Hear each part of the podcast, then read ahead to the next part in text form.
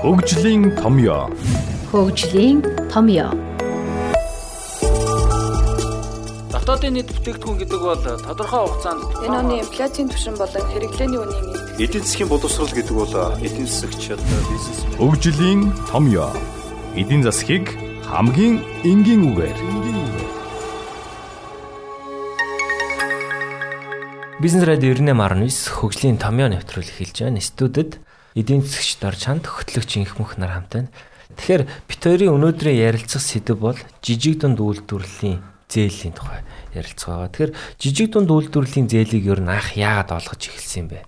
За тэгэхээр ялангуяа хөгжиж байгаа Монгол шиг улсын хувьд бол ажил эрхлэлтийг дэмжих нь эрен тэргүүний зорилт юм а.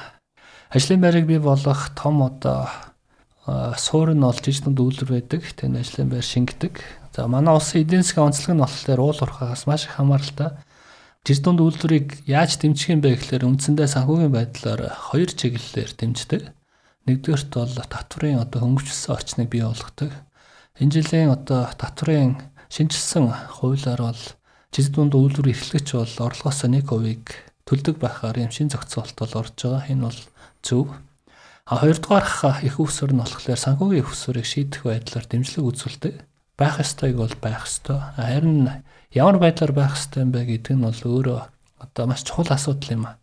Яагаад ах үс юм бэ гэд тэгэхээр 2009 онд бол засгийн газрын одоо дэргэд гэж байгууллагатаар тохирж исэн үндсэндээ бол зээлийн дизайн яаж хийгдсэн бэ гэд тэгэхээр одоо Японы олон улсын хамтан ажиллагааны байгууллагын одоо судалгаан дээр үндэслээд Ерөөсөө жир дунд үйлдвэрлэгчдэд бол хөнгөлтөө зээл өгөх нь зүйтэй байна, урт хугацаатай, бага хүүтэй.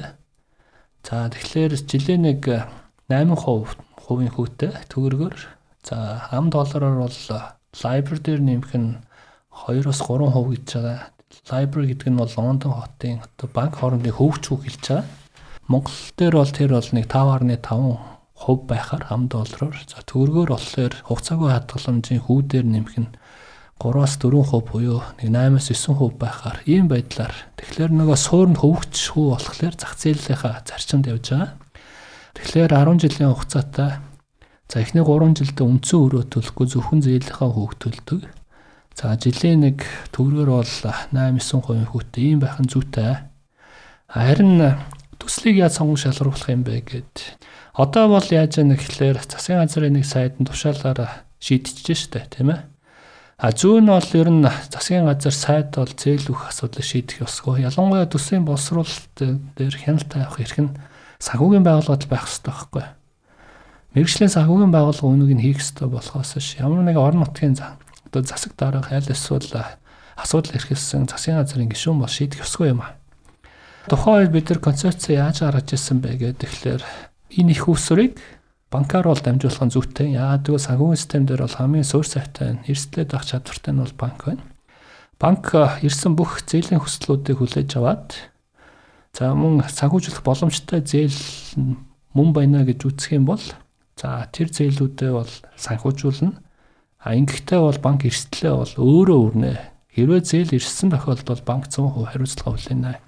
А банкнд бол зөвхөн одоо үйл ажиллагааны зардал 3-аас 4%-ийг өгөө хүлцэн их усээр нь бол засгийн газраас гараад явах зүйтэй байна гэсэн ийм байдлаар анх концепц хийсэн баг.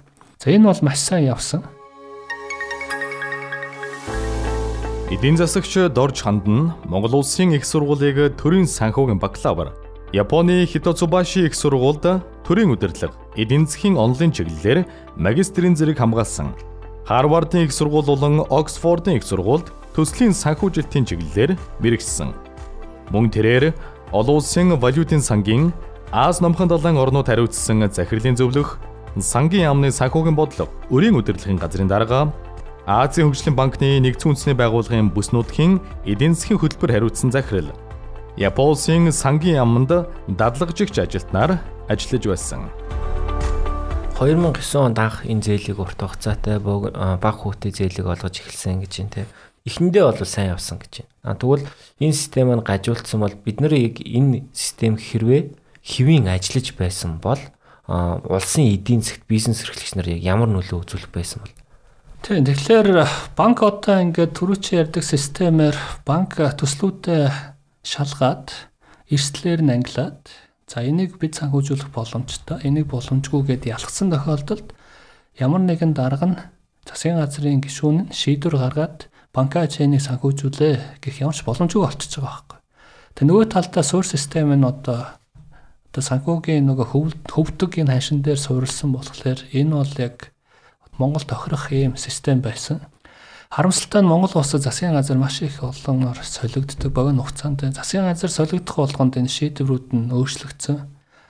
За засгийн газрын тогтоолоо шийддэг байсан бол сүлд одоо салбарын сайдын шийдвэрээр одоо энэ журмууд бол өөрчлөгдсөн байна.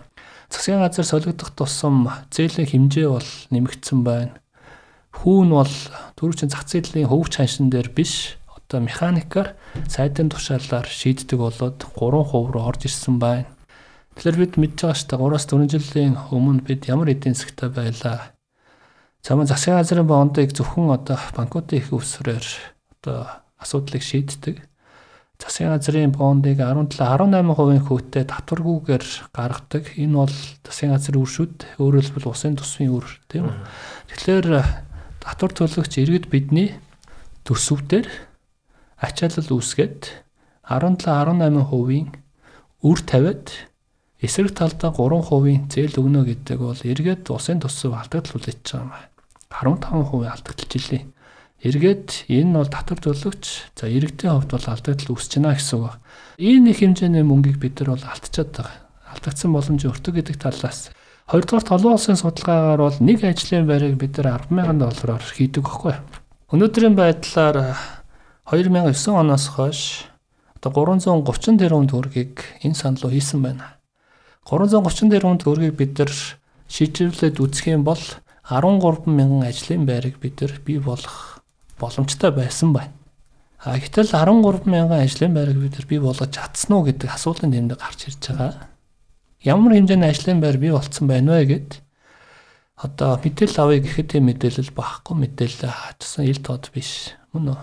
Цаашаага бид э, одоо алдагдсан боломжийг өөр байдлаар тооцоод явах юм бол ажлын байраар тооцож болж байна төсвөөс алдсан мөнгөөрөө тооцож болж байна а дээрээс нь бас ямар хэмжээний мөнгө ол одоо энэ мөнгө маань олцсон юм бэ гэдэг талаас нь бас тайлбарлаж болно тухайлбал яг 2009 10 оноос хойш Одоо бид бүхэн мэдж байгаа банк ус агуун байгууллага бол 9 тоон бол өссөн. Өөр дүнд нь банк ус агуун байгууллагын одоо зээлийн хөө бол маш өндөр болсон. Өнөөдөр нийт санхүүгийн зах зээл дээр банк бол 30 их найт төгрөгийн одоо мөнгийг эргэлдүүлдэг бол банк ус агуун байгууллага 1.1 их найт төгрөгийг эргэлдүүлж байна. Зөвхөн энэ жилийн одны хагасын байдлаар одоо банк ус агуун байгууллагын ашиг нь 50 орчим тэрбум төгрөг бол банкны салбар одоо ердөө 32 тэрбум байна.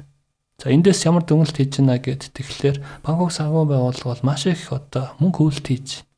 За тэгээд дунджаар бол жилийн 50-аас 100% хүүтэй юм зээлэг бол гаргаж байна. Тэ. А гэтэл жилийн 3% хүүтэй зээлэг одоо жижигхэн үйлдвэрийн сангаас зээлж аваад 50-аас 100% хүүтэйгээр цаашаа дамжуулан зээлдэх юм бол тэнд бол Одоо нэг зээлээс э, дор хойж 47%, цаашаа явах юм бол 90% ашиг хийж болж байна. Магадгүй энэ дүнгээр бид нар бас алдсан гэх юм одоо эргэлзээ бол надад бол байна. Эцэст нь ингээд базаат хэлэх юм бол алдагдал бол маш их байна. Гэхдээ хамгийн чухал алдагдал бол ажлын байрны алдагдал юм а. Монгол хүн өнөөдөр ажилдаа орлоготой байж одоо цаашаага Монгол хүний үнэлэмж өссөн За амьдрал нь бол баталгаажууд явах юм аа. Гэтэл усын төсөөс маш их хэмжээний халамжийн бодлогыг хэрэгжүүлдэг хэмжээний одоо мөнгийг иргэдийн карманд нь өгдөг. Гэтэл энүүгээр чинь баялаг бий болохгүй, ажлын байр бий болохгүй, урт хугацааны бодит орлого өсөхгүй байгаа маа. Тэгэхээр ийм одоо бодлогын арга хэмжээнүүд дээр бол бид маш анхааралтай засгийн газрын хувьд бол шаардлага тавиад явах зүйтэй мэрэгжлийн эдийн засгчтай хувьд. Цаашдаа яг энэ зээлийг ямар механизмаар явуулах ёстой вэ?